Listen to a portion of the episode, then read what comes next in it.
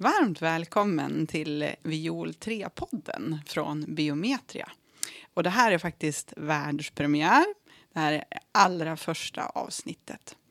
Eh, jag heter Pia Sundqvist Jag jobbar som eh, programkommunikatör i Viol 3-programmet på Biometria. Och, och, som gäst idag eh, så har jag med mig Tanja Keiso. Och jag jobbar med affärsutveckling inom vårt Biometria Labs. Eh, men jag jobbar också en hel del med Viol 3. Och det känns en, som en stor ära att få vara här på världspremiären. Ja, härligt. Ehm, jag tänkte att jag skulle dra lite kort kring syftet med, med podden, så här, det första avsnittet. Eh, för syftet är eh, att highlighta aktuella saker eh, inom Viol 3-systemet och Viol 3-programmet. Eh, och komma med lite tips och inspiration till er som lyssnare.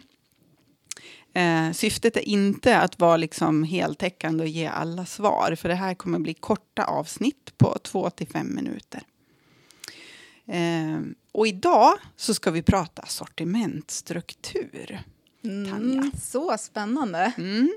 Eh, och då vill jag börja med en ganska grundläggande fråga. Vad är det för någonting? Ja, sortimentstruktur, det är ju hur vi liksom definierar det, det vi gör affär på, alltså råvaran vi gör affär på. Eh, och i Viol 3 har vi ju tänkt om helt och hållet. Vi körde lite till vägs ände i Viol 2 med koder och möjligheter att kunna vara flexibel med det här. Eh, så vi har tänkt om och gjort tre ja, delar av sortimentsstruktur. Sortimentskategori, handelssortiment och produkt som ska hjälpa oss att definiera vad det är vi gör, gör affär på. Jajamän. Mm. Eh, vad är det viktigaste att tänka på om jag är ny i Viol 3-världen eh, som kund och ska liksom fundera kring det här med sortimentsstrukturen eh, och hur den ska, ska se ut? Vad, vad kan du liksom skicka med mig för tips? Ja, men som ny är det ju viktigt att du då eh, snacka lite grann med dina affärspartners och fundera lite grann, men hur gör de? Och, och, det finns egentligen två vägar, antingen så jobbar man med ganska generella branschgemensamma sortiment eller med industrispecifika sortiment och där är det ju bra att man jackar i så som sina affärspartners kommer göra. Just det. Mm. Eh, men eh, Finns det något som du vill skicka med då, som ett tips till de som lyssnar gällande sortimentstrukturen? Eh, ja, det finns ju en, en uh, ganska vanlig missuppfattning om att sortimentskategori, handelssortiment och produkt är en hierarki där de liksom hänger under varann. Ja, just det. Uh, men riktigt så funkar det inte, utan det är sortimentskategori som är den högsta nivån, men både handelssortiment och produkter tillhör sortimentskategori.